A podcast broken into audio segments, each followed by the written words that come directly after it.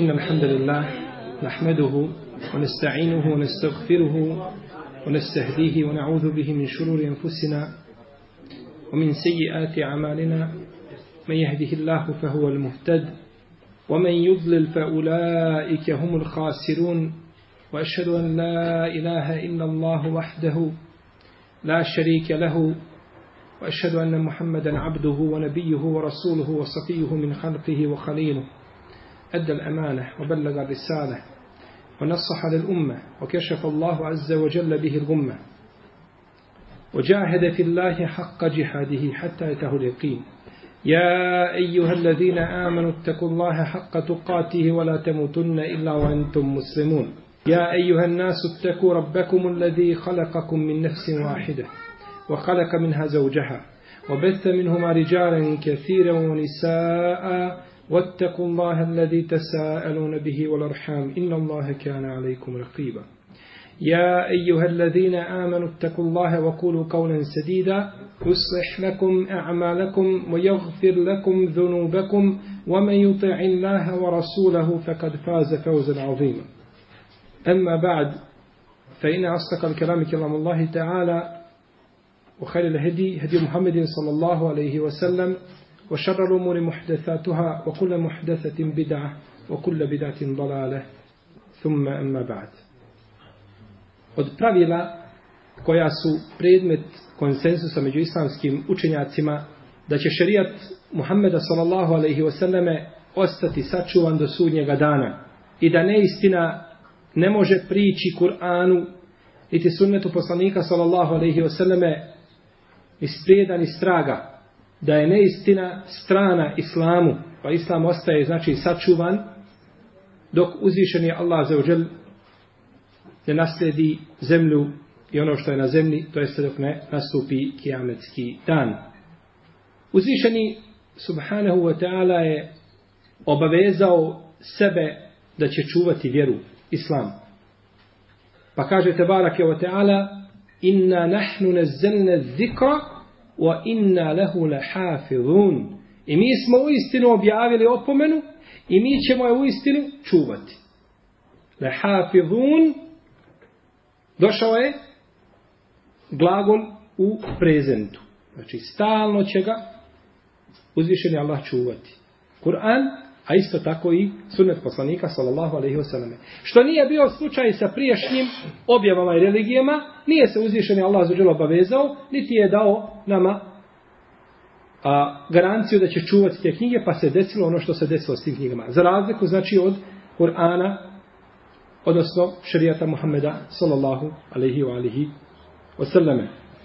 I trud koji se ulaže u očuvanje Islama je veliki i manifestuje se na različite načine.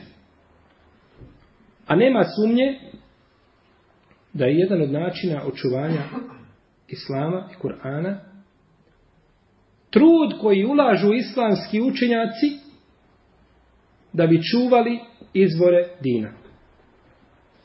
Napade na Kur'an su veliki. No, me, no međutim, puno veći i puno ozbiljniji napadi se vode kada je u pitanju sunnet poslanika, sallallahu alaihi sallam. Stoga je trud u očuvanju sunneta kudi kamo veći nego trud u očuvanju Kur'ana. Jer Kur'an se prenosi sa generacije na generaciju. Da ga nismo pisali od vremena poslanika sallallahu alejhi ve do danas, ne bi se ništa izgubilo od njega.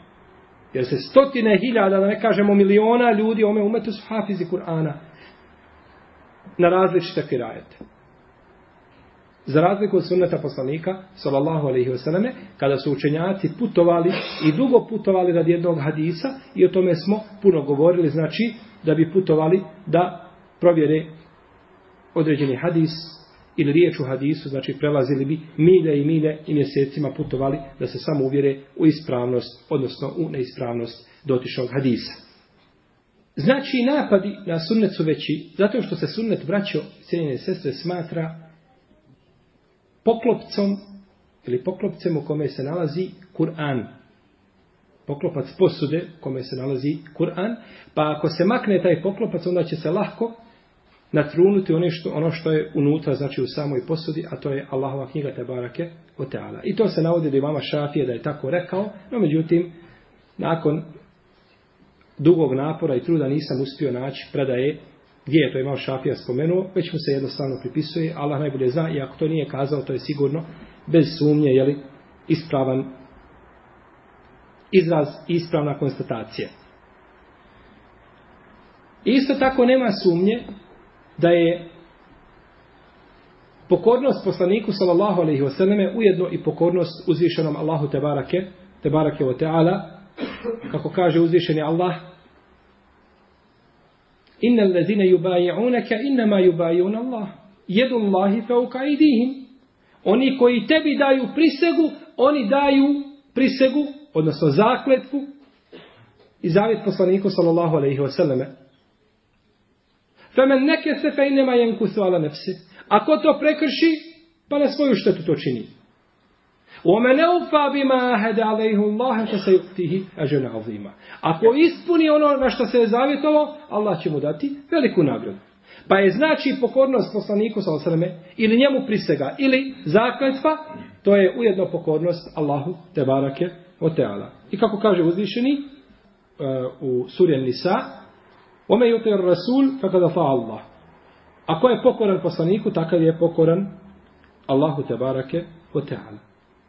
I došao u hadisu Ebu Horeire, koga beže Buhara i Muslim, da je Rasulullah sallallahu alaihi wasallam rekao Men ata'ani fakad ata'a Allah.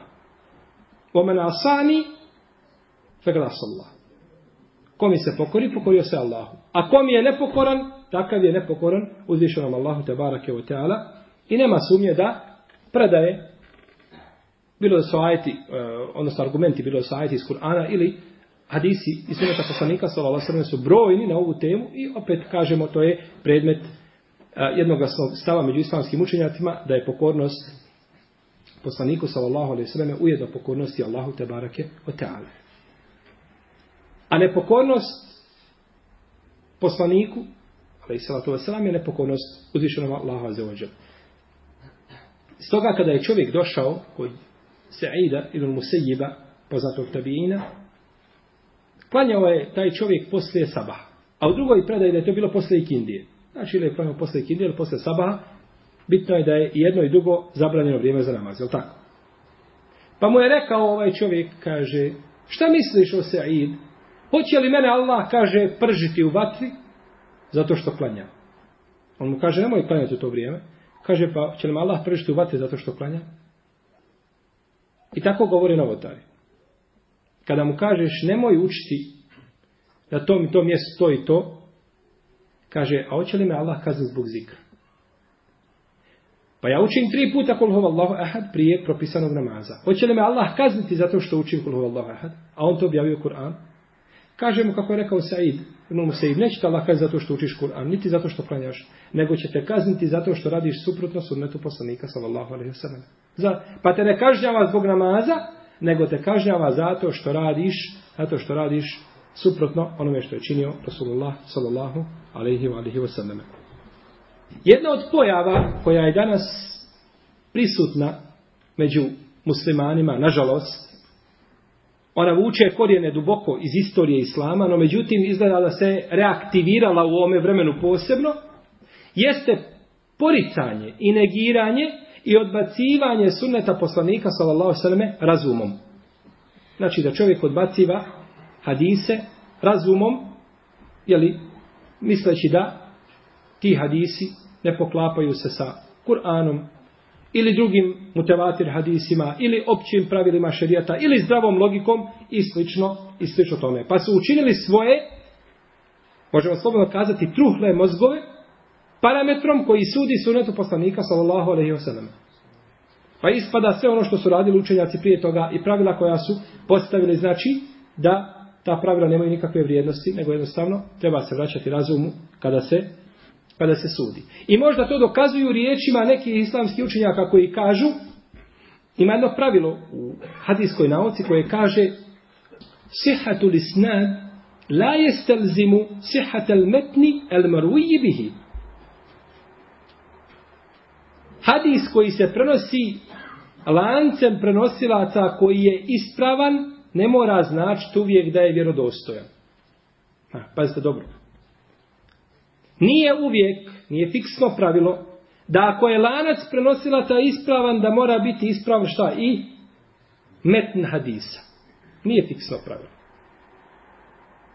Jer ponekad mogu biti ravije sve vjerodostojne, hafiz do hafiza, imam do imama, mislimo na hafiza hadisa ili na hafiza Kur'ana. Oni svi bili hafize Kur'ana. To nije bilo među njima. Zato Ibn Hajar kada je govorio, za jednog raviju spomenuo ga, sjećam se da je iz Kufe taj ravija, kaže, وَقِيلَ أَنَّهُ كَانَ لَا يَحْفَظِ الْقُرْآنِ I govorile se da nije znao Kur'an. On je bio jedna iznimka između ravija, pa da nije znao, znači da nije znao Kur'an. No govorimo o hafizima, kada kažemo hafiz ibn Kesir, al hafiz ibn Kesir, mislimo da je hafiz čega? Određenog broja hadisa, sad razilazuje su lema, da li je to 100 ili 200.000 hadisa da bio hafiz, no međutim ne misle se na hafiz Kur'ana, to je kod nje bilo jasno ko, ko dan. Imamo pravilo koje kaže da lanac prenosilaca ako ispravan ne mora znači da je uvijek ispravan i hadis. Ovo je tačno, ovo spominju neki islamski učenjaci i dokazuju to da mogu biti znači ravije hafiz do hafiza, no međutim može li neko ovdje napraviti grešku? Može li ne može? Kako ne može? Nisu oni meleki, nisu ne pogrešivi. Napravi grešku. Pa je lanac prenosilaca šta? Ispravan. Ali on pogriješio, napravio grešku. Ma ne možemo reći lanac prenosilaca nije ispravan. Nego taj hadis uporedimo sa drugim verzijama, pa vidimo znači gdje je mahana. Pa lanac prenosilaca može biti ispravan, a tekst hadisa ne mora biti. No međutim, braćo, to su iznimke. To su jako rijetke iznimke. A osnova je kod hadijskih stručnjaka da ako je vjerodostojan lanac prenosilaca, da je vjerodostojan šta? Hadis. To je osnova po kojoj se sudi a iz te osnove se samo izlazi argumentima koji su nepobitni. Kategorični argumenti koji ukazuju znači da je neko od tih vjerodostojnih ravija pogriješio. I ovo nije posao obični ljudi. Mogu ovdje doći, braćo moja, portiri, i skolari, i tesari, i da sude, da kažu ima pravilo u šarijetu, ako lanac prenosaca može biti ispravan, no međutim ne mora zašto da ispravan hadis. To nije, braćo, posao ni fakiha. To nije posao, najveći fakiha umeta nije posao. Koji su bili more znanja u fiku, to nije njihov posao. I nije se bavili s tim. Nego to je posao hadijskih stručnjaka koji su proveli cijeli život vezan za lanac prenosilaca, za ravije, ispitivali, provjeravali, dok znači nisu postali oni koji mogu znači ocijeniti da li je desila se greška ili se nije desila greška. Pa je govorio imam Šafija, imamu Ahmedu, iako imam Šafija, jedan od najvećih imama ovoga umeta, kaže mu, vi ste, kaže, mi smo poput lekara, a vi ste poput farmaceuta, vi nam pravite lijek. Pa kaže, kaže, obavijesti me o hadisu ako nije ispravan. Jer ja sudim po tome hadisu. A ti me obavijesti da li je taj hadis autentičan da ja ga prihvatim ili da ga odbacim. Ako je to imam Šafija govorio kome? Imamu Ahmedu. Što onda da govore koji dolaze nakon imam Šafije? Što da kažemo mi? A to uh, Ebu Hatim Ar-Razi jedne prilike je čuo hadis prenosi ga El Ameš od Ebu Sufjana Talhe ibn Nafija od Džabira od poslanika sallallahu alaihi wa alihi wa sallam. Kada je čuo ovaj hadis, kaže, subhanallah, ovaj mi hadis ne liči hadisu El Ameša. Nego mi ovaj hadis više liči hadisu Amra ibn El Husayna. Ne može biti ovo hadis Ameša, ovo je hadis El Amra ibn Husajna. Amra ibn Husajn je kod većine uleme odbačen kao ravija, potpuno slab, a neki ga smatraju da je, a neki ga smatraju da je, da je lažov. Odakle je pogodio Ebu Hatim razi u Amra ibn Husajna? Kako je pogodio čistu desetku između 500.000 ravija? Kaže se da mi u šarijetu imamo oko 500.000 ravija. On je između 500.000 ravija izvukao sretnog dobitnika. Je li tako? Zašto je njega? Zašto nije odabrao, na primjer, drugu, e, druge ravije od kojih prenosi Lameš. On prenosi od Ebu Vajla, Šakrika ibn Saleme, i prenosi od Sejda ibn Džubeira, i prenosi od Ibrahima i Nehajja, i prenosi od Kajsa ibn Abi Hazima, i prenosi od Al-Walida ibn Ubade ibn, Bisa, ibn Samita i drugi. Zašto je pogodio, zašto je rekao? Ko? Amr ibn Husayn. Zašto nije spomenuo drugog? Ovo je, braćo, učenjak koji je, vjerujem, mjesto hrane uzimao hadise i lance prenoslaca za hrani sotim. I zato danas, kada čitate knjigu, Ilal od Ibn Abi Hatima razi od njegovog sina, knjiga ima dva toma, imaju šta? Doktori i šejhovi hadisa koji isprovili život u hadisu da sjede i da se znoje godinama i godinama da ne mogu rastomačiti o čemu je on govorio. I šta je pisao. E, takvi mogu suditi ako je lanas prenosilaca ispravan da hadis ne bude ispravan. A nikako to ne mogu učiniti, znači, obični, obični ljudi. Šta je bilo? Ebu Hatim Razi je prenio hadis, znači od El Ameša, od Ebu Sufjana Talha ibn Nafija, od Džabira. Kaže, nije ovo hadis Ameša, ovo je hadis Amra ibn Husayna. Pa je otputovao u drugu zemlju i čuo taj hadis, prenosi ga El Ameš, od Amra ibn Husayna, od Ebu Sufjana Talha ibn Nafija, od Džabira, od poslanika, sallallahu alaihi sallam. Pa se je vratio hadis u onaj kontekst i onaj oblik kako je to pretpostavio ko? Ebu Hatim Arfasi. Tačno se znači hadis vratio i lanac prenosilaca znači biva u onome obliku kako ga je zamislio Ebu Hatim Arrazi. Ali El Ameš je bio mudelis. El Ameš ime mu je Suleiman ibn Mehran El Kufi El Esti. Bio je poznati mudelis, to je obmanjivač koji je izbacivao druge ravije iz lanca prenosilaca da bi ga šta? Da bi ga dotjerao. Na primjer, ja sam čuo vijest od Muhammeda, a Muhammed od Mustafe, a Mustafa od Jusufa. No, međutim, Muhammed mi je nekako, kad se njegova vijest širi, ljudi neće da je prihvate. Ja kažem, i prenosi Mustafa od Jusufa, od toga, od toga, od toga, i maknem šta? Mohameda. I ljudi kažu, fina vijest, dobro, i povjeruju. E to je radio Ameš. Za razliku od drugih ravija koji izgovorio poput Šobe ibn Hadžađa koji je govorio, kaže da se napijem mokraće od magarca, draže mi je nego da činim tadlisi i da budem obanjevač. I to je pogrdna, pogrdno svojstvo za rivajet, ali nije za raviju. Nije za raviju. Jer on nisi dao laž na poslanika, sallallahu sallam. Uglavnom, šta je uradio Rameš?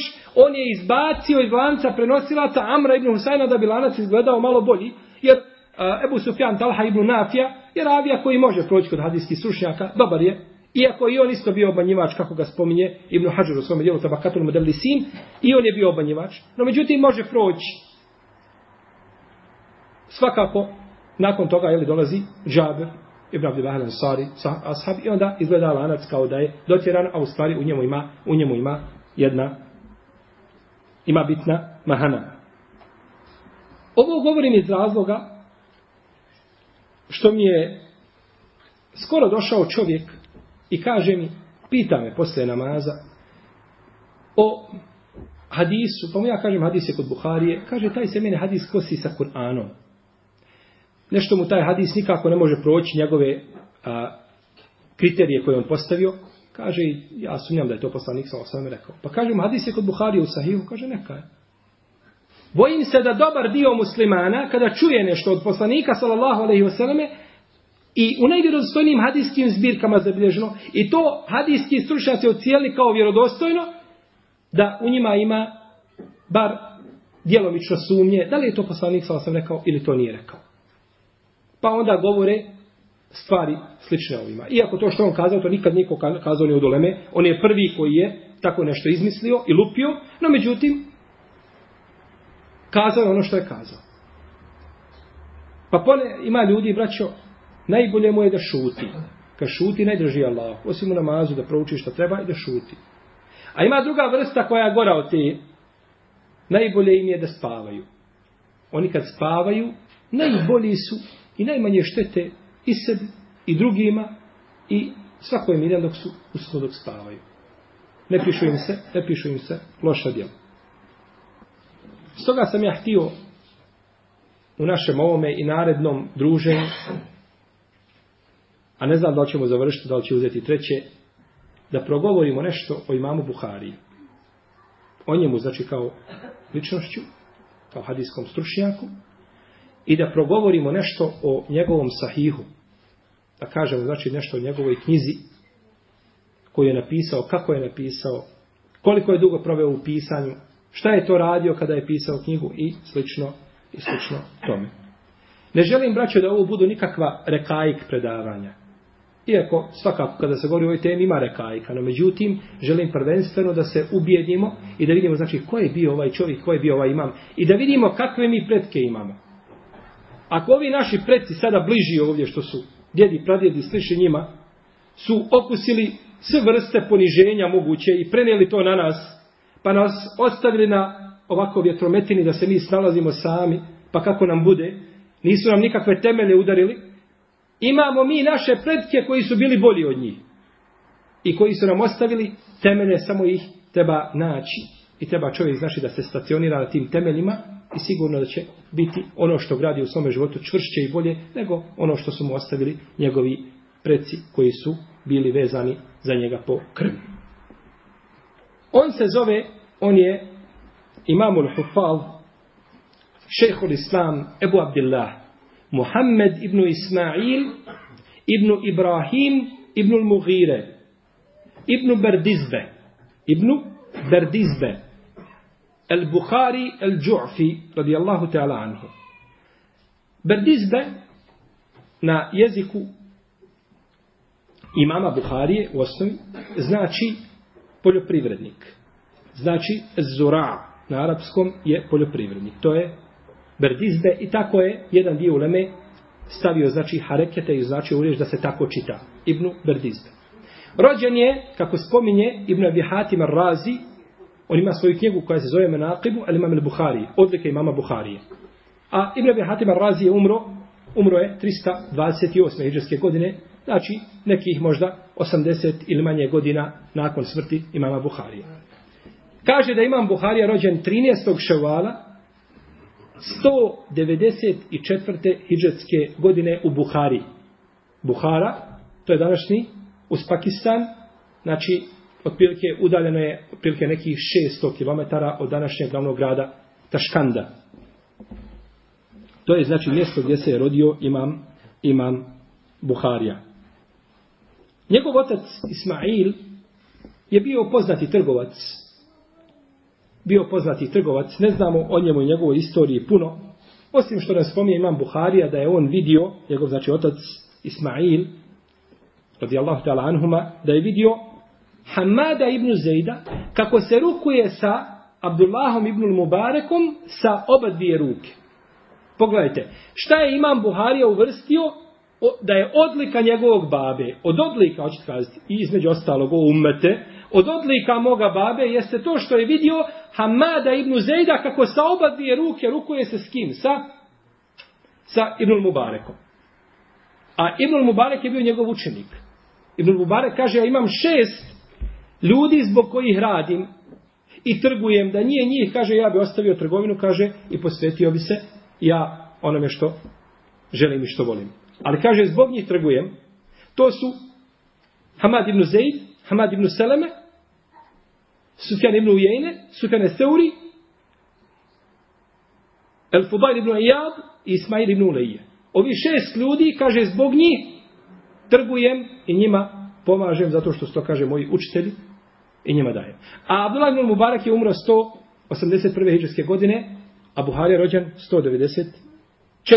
Znači 13 godina je tek nakon toga došao ko? Imam Buharija. Pa je uvrstio od odlika svoga babe to što je vidio kako je a, poselamio se Hamad sa Ibn Mubarekom sa oba dvije, sa oba dvije ruke. Kaže Ahmed ibn Hafs, ušao sam kod Ismaila ibn Ibrahima. Ko je Ismail ibn Ibrahim? Molim? Otac Buharije. Da se ne izgubimo, sad da znamo o kome govorimo. Otac Buharije.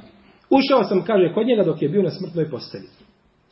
Pa je rekao, imamo Buhari, kaže, ostavio sam ti, ili ostavio sam općenito u nasljedstvo, hiljadu, hiljada dirhema. Znači, milion dirhema sam ostavio. Kaže, ne znam da ima dirhem u kome ima šubha. Ne znam da ima dirhem koji je haram ili u kome ima šta? Sumnja da bi mogao biti haram. Znači, sve je čisto sto posto. Pa kada je to čuo, Ahmed ibn Hafs kaže, fete ileje nefsi, kaže, pa se tada, pa sam sam u svojim očima, kaže, izgledao tako mizeran i tako prezren.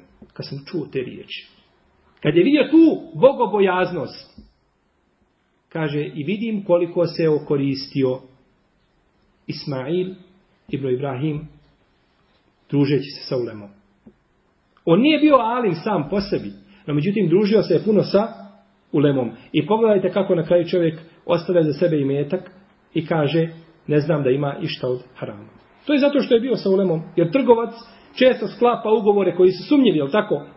No međutim, ako imaš nekoga da ga pitaš i da te usmjerava i da kanališe tvoju trgovinu i da te znači ovaj savjetuje šta smiješ, šta ne smiješ, sigurno da je to da je to preče i da je to bolje za muslimane. Sve ove pare što je ostavio Ismail je imam Buharija braće potrošio za sticanje znanja. Sve je to potrošio za sticanje znanja. I pored toga je došlo vrijeme da je morao jesti travu i lišće. Zaustavi se na put, nema ništa, nestalo ništa.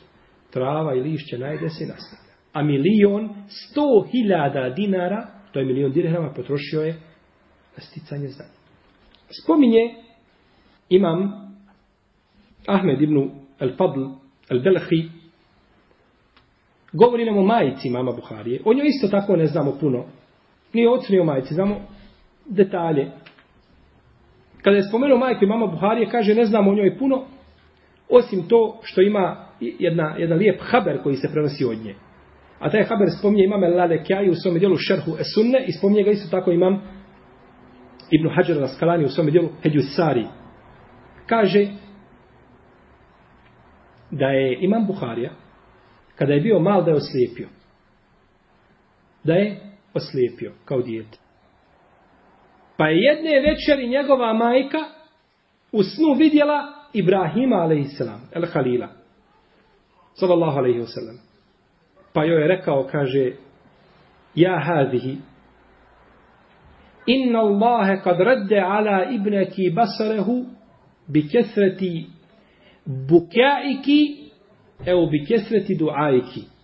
Ešeku minar ravi. Kaže Ibrahim a.s. Buharinoj majici, Allah je, kaže, vratio tvome sinu vid zbog toga što si puno plakala ili zbog toga što si puno dovila, ravija sumnja šta je rečeno. Pa je ustala i našla imamo Buhariju da vidi. Pa je Allah te barak dala vratio vid imamo Buhari i pripremio, pripremio ga sigurno za misiju ovaj koju imam Buharija treba odraditi i koju nije mogao niko drugi da odradi. I niko drugi nije mogao zamijeniti imamu Buhariju i vi ćete kroz naša druženja i na kraju ćete se ovaj uvjeriti da niko drugi nije mogao zamijeniti imamu imama Buhariju znači u onome što je uradio za islam. Ovo je bilo poznato kod žena Selefa da su odgajale generacije. Da su odgajale generacije. Majka Sufjana Eseurija je govorila, sine, idi stiči znanje, a ja ću pobrinuti se za tvoj dunjaluk. Ti uči, a ja ću raditi. I tako je bilo. On je učio, ona je radila i izdržavala ga. Subhanallah. I govorila mu je, kaže, sine, pazi dobro, kaže, šta radiš? I kaže, kada zapišeš deset harfova, pogledaj, kaže, je li Allah povećao tvoju bogobojaznost i tvoju nježnost i blagost? Ako uzvišeni je Allah za ođel, nije to povećao kod tebe, znaj kaže da to znanje koje stičeš, da će ti šteta neće ti koristiti. Pogledaj savjeta majke. Nemoj ići samo sjediti u halki i slušati, a prijemni onaj uređaj isključiš. Samo sjediš i slušaš. Isključio ga, ništa ne ulazi. I ništa ne pamtiš od toga. I godinama sjediš i slušaš, I nakon toga kad dođe osnovno pitanje vezano za din, zakuješ kao da nikada to čuo nisi. Toga ne, to je samo dokaz protiv čovjeka. Znači. To je dokaz protiv čovjeka. Vidi, kaže, da li je povećalo tvoju blagost i tvoju nježnost i tvoju bogobojaznost. Jer čovjek koji uči znanje i stiče hadise i poučava se sunetu poslanika sa osrem, ima ružna, ružan ahlak. Ru, grubo se odnosi sa ljudima. Poziva Allahove vjeri, a u stvari tjera od Allahove vjere. Kakva korist od tih hadisa koje učiš i koje znaš i koje si i koje si zapamtio? Naučio je Imam Buharija Kur'an sa devet godina. Naučio je Kur'an sa devet godina i dolazio je u to vrijeme kod najveće uleme u Halke da sluša predavanja u Buhari. Buhara, znači to je jedna od republika današnjeg Sovjetskog saveza, kazali smo da to s Pakistan. Dolazio u Halke kod jednog šeha koji se zvao Eddahili. Pa jednoga dana Eddahili citirao hadise, pa kaže, prenosi Sufjan od Ebu Zubeira, od Ibrahima Nahaja, od, od, od, pa mu kaže imam Buharija, kaže šejh, nije, kaže tako. Kaže, šuti. Balavac jedan. Što znaš ti? Kaže, vrati se, kaže, pa pogledaj u svoju knjigu. On je to govorio iz pamćenja. Jer bi šejh ponekad ostavio knjigu na stranu i govori iz pamćenja, ne gleda u knjigu. Kaže, vrati se, kaže, u svoju knjigu, pa pogledaj kako je. Pa je ustao je Dahili i pogledao, kada vidio, kaže, kako, si, kako je, kako, kako izgleda taj lanac? Kaže, ne prenosi, kaže, a Ebu Zubeir od Ibrahima Nahaja. Nego je to, kaže, Zubeir ibn Adi, pa prenosi Sufjan, od Zubeira ibn Adija, od Ibrahima Nahaja. Kaže, daj mi tu svoju olovku. Pa je uzeo svoju olovku i popravio ono što je napisao. Kaže u Buhari, a koliko sad godina imao? Kaže, 11. 11 godina. Sa 11 godina imam Buharija popravlja imama Dahilija. U, gdje? U lancu, nije u hadisu. Ja rekao hadis pa pogriješio riješ, nego u lancu prenosilaca i to braćo kod najpreciznije stvari. On nije zamijenio dvojicu ravija, nego je zamijenio ime nadimak ili Ebu Zubeir ili Zubeir ibn Adi. A to se često dešava kod znači prenosilaca da pogriješe kod imena. Pa je to najpreciznija stvar gdje imam Buharija znači popravio popravio svog šeha. Danas kod nas dijete od 11 godina ne smiješ ga poslati u trgovinu da skupi mlijeko. Ako dođe sa salametom kući, ti zadovoljan. A pogledajte te, pogledajte te majke koja je odgajala tu generaciju. I zato nije čudo, jeli, da imam Buharija sigurno bio spreman, znači, da uradi ono što je uradio za din islam. Kaže Sulejm ibn Mujahid, došao sam kod Muhameda ibn Salama il Bikendija. Sulejm ibn Mujahid došao kod Muhameda ibn Salama il Bikendija, pa mu kaže Muhammed il Bikendi, kaže da si mi došao u drugo vrijeme, kaže pokazao bi ti dječaka koji pamti 70.000 hadisa. Kaže, pa se nisam mogao strpiti, nema ga, pa sam, kaže, izišao da ga tražim. Pa sam ga našao. Našao. Evo Abdullaha, mama Buhariju. Kaže, jesi ti onaj što govore da zna 70.000 hadisa? Jeste, kaže, više od toga. I kaže, neće spomenuti jednog hadisa da ne znam od kog se ashaba prenosi. A kad ti spomenem ashaba, nama ću ti kazati cijelu njegovu biografiju. Šta je, gdje je bio, kuda je išao, gdje je poginuo.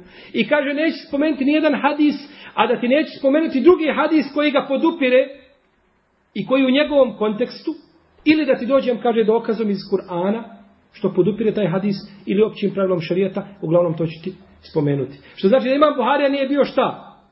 Puki a, hard disk koji je pamtio, nego je bio, znači, čovjek koji je razumijevao argumente i nakon toga mogao vezati argumente, a to kada je rekao ovome, Sulejmu, Ibn Muđahidu, imao je samo 12 godina.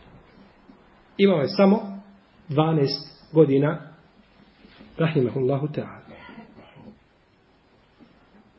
Kaže, Ishaq ibn Rahavoj, poznati faqih, koji je suvremnik imama Ahmeda, jednog dana je pričao hadise, govorio, pa je spomenuo hadis koga prenosi Ata El Kejharani, a to je bio imam Buharija u Halki, pa ga je upitao, kaže, o Ebu Abdillah, šta je to Kejharan? Kaže imam Buharija. To je, kaže, jedno selo u Jemenu. Pa je počeo opisivati to selo kako izgleda, šta ima, gdje šta ima, koliko kuća ima. Kaže, subhanallah, kao da si živio, kao da si tamo bio. A nikada nije imam Buharija šta zavirio u Teharan. No međutim, koliko je prenosio od ljudi hadise i koji su tamo živjeli, znao je opisati to selo kao da je bio u njemu.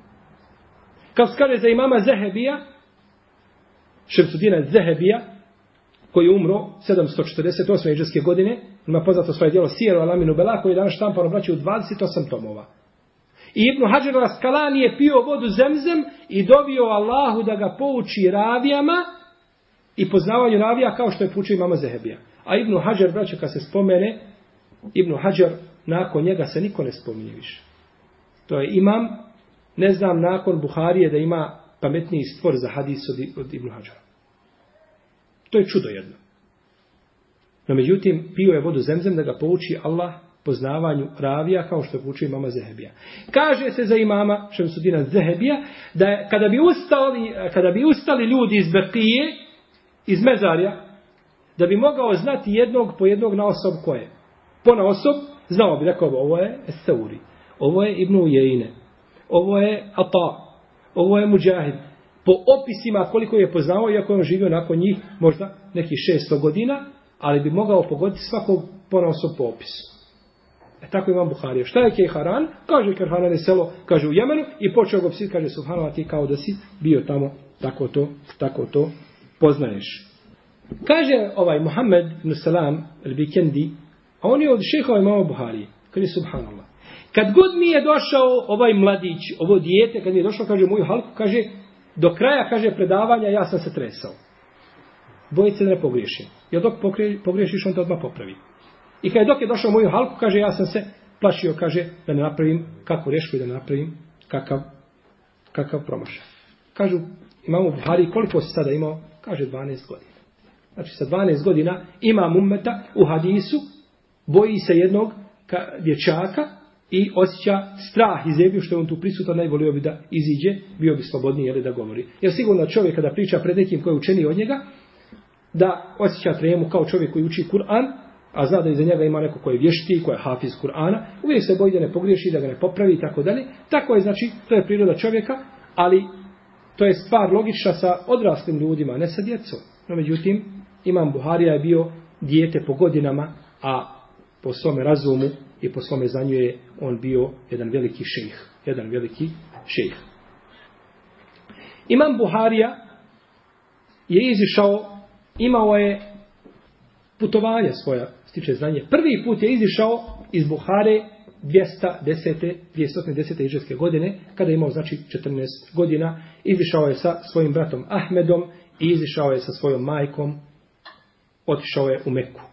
Obavili su hađ, pa se vratio Ahmed i majka, a imam Buharija ostao u Meki da stiče, da stiče znanje. Kada se je vratio, ovaj njegov šejh, Muhammed ibn Salam ili Bikendi je preselio. Šta mislite da je Muhammed ibn Salam ili Bikendi vidio imama Buhariju nakon što se vratio iz Mekije? Šta bi rekao za njega? On je bio samo tu u svome mjestu. Nije Buhara bila neki veliki centar znanja kao što je bila recimo Basra ili Kufa ili Neđdi ili kao što je bio Misr ili tako dalje ili Jemen jer to u osnovi nije bio jeli, arapski dio znači ovaj gdje su ljudi u to vrijeme jeli, pričali čisti tečni arapski jezik pa imam Buharija izišao da stiče znanje i pogledajte kako u ranoj mladosti izlazi imam Buharija da stiče da stiče znanje I nikada se nije zastio znanje dok nije sreo Allaha te barake o teala. I došlo u hadisu koga bilježi imame Tirmizi i kaže za njega da je dobar, a kaže šejh Albani da je, da je slab. A, od Ebu Sejda al-Hudrija da je poslanik sallallahu alaihi wa sallam rekao Lej ješpe'a el mu'minu min hajrin jesma'hu hatta jekune muntahahul dženne.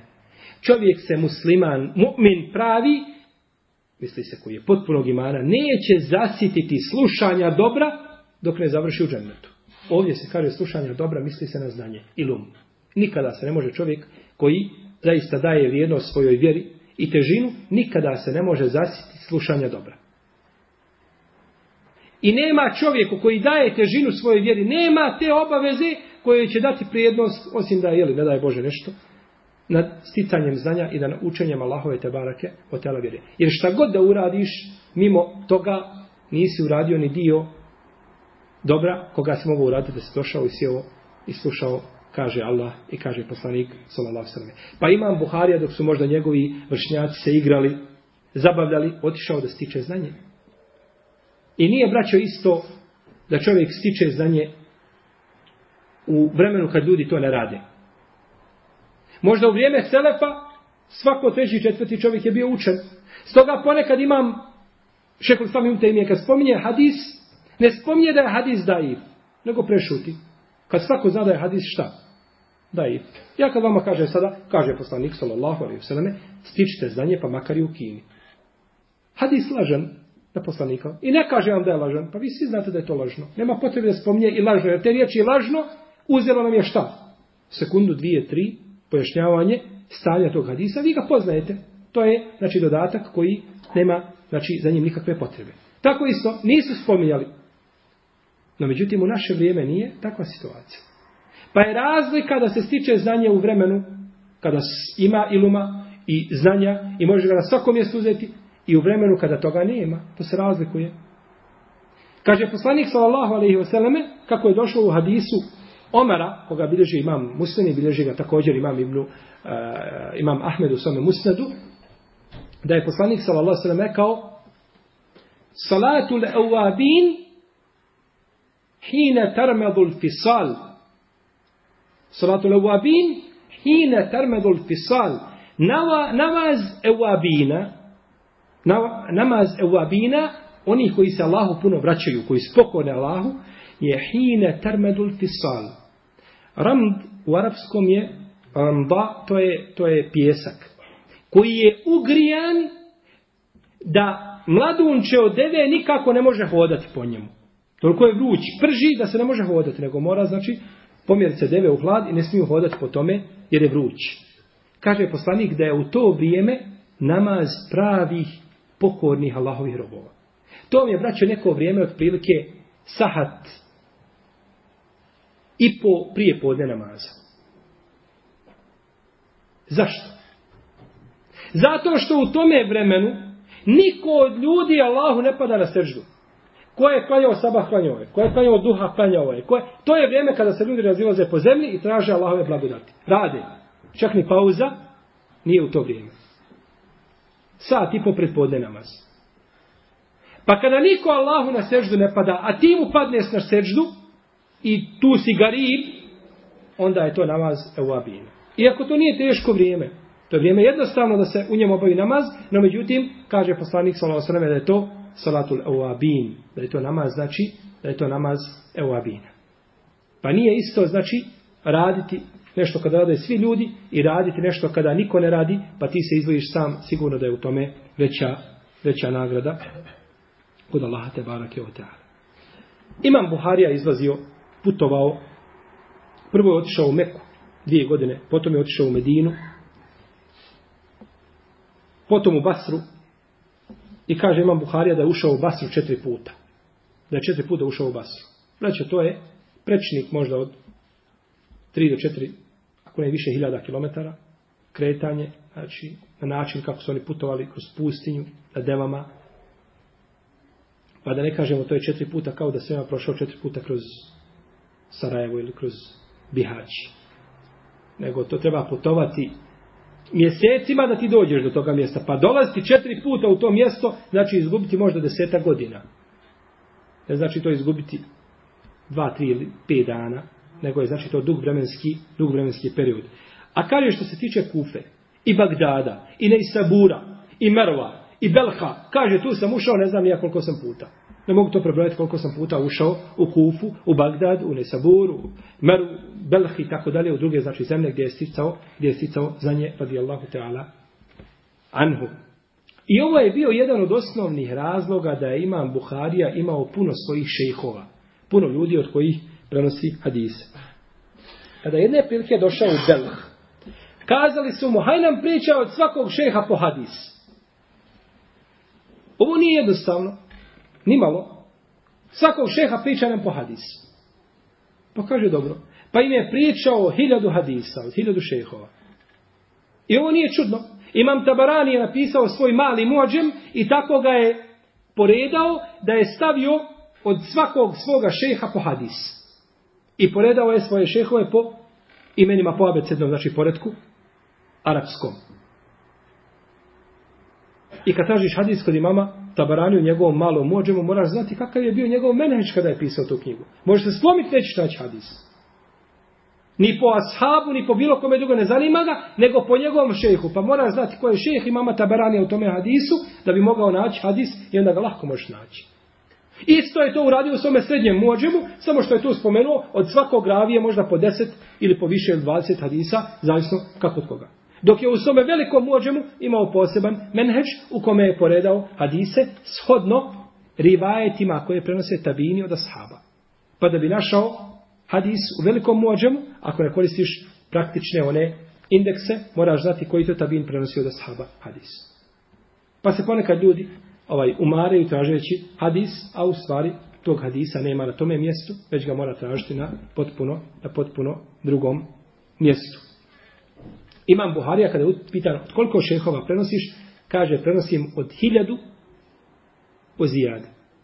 Od hiljadu i više od toga. Kaže Imam El Kermani, to je jedan od kom, ima komentator na Buhari Sahih koji je danas štampan od 25 tomova. Kaže, ono zijade, onaj dodatak više, kaže, to je još 80 osoba. Spomenuo znači da imam Buhari prenosio od 1080 šehova. A u svome Sahihu je spomenuo samo 289 njih. Znači, ostavio je još toliko, tri ili više puta, koje nije, znači, spominjao u svome u svome sahihu. Imam Buharija je sigurno čovjek koji je znači ukrasio i onako svijetle stranice znači naše povijesti sa svojim zanjem, sa svojom takvom i svojom bogobojaznošću. Tako da su ga pohvalili najveći njegovi učitelji. Nije čudno da pohvali učenik šeha, tako? To je normalno da kaže Ibnul Kajim za Ibnul Tejmije, on je takav, on je takav, on je... No, međutim, da pohvali Ibnul Tejmije i Ibnul Kajima, to je već druga stvar. Jer učenik ima potrebu da hvali šeha. Ali nema šejh potrebe da hvali koga? Učenika, nema nikakve. I prvo ne može se učenik pokazati osim nakon smrti šeha, ali tako? Dok on nadođe, dok sazrije, dok njegovo znanje znači upotpuni se, ne može on se prije toga pokazati kao alim i kao učen. Nego treba znači da prođe vremena. Pa su mnogi šehovi i većina šehova imama Buharije pohvala imamu Buhariju. I u najljepšem kontekstu, kontekstu spominju, spominju imama Buhariju i njegovo znanje i njegovu takvu, znači o svemu tome su govorili, što nije bio često slučaj sa mnogim, znači sa mnogim islamskim, islamskim učenjacima. Budući da sam ja ovdje spomenuo skupinu jednu, a skratio sam na najmanje moguće.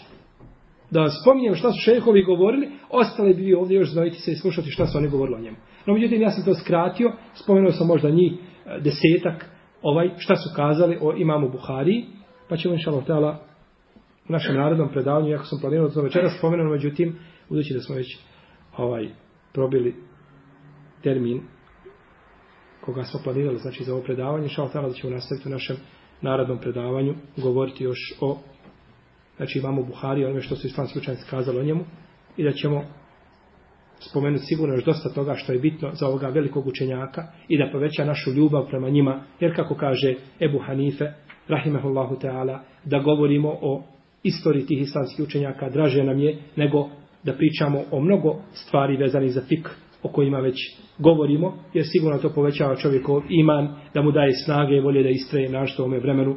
Fitneta u kome se mi nalazimo, kada čovjek ne može istrajati osim ako se vrati na ovaj e, i uzme sebi za uzor ove naše znači petke koji su ulagali i dan i noć trud i ostali veliki emanet na našim vratovima, pa na nama je da ispoštujemo taj emanet. Ili ne daj Bože da uradimo suprotno tome, a uzvišen je Allah te barek tala će obračunavati svoje robove. Ja ga molim za ođel da nas pouči našoj vjeri i da nas pouči sunnetu poslanika sallallahu sallam i da poveća u našim srcima ljubav prema islamskim učenjacima, muhadisima, faqihima, mufessirima i svima njima i da nas spoji sa njima u džennetskim prostranstvima. Wallahu ta'ala a'lam. Wa sallallahu ala nabina Muhammad.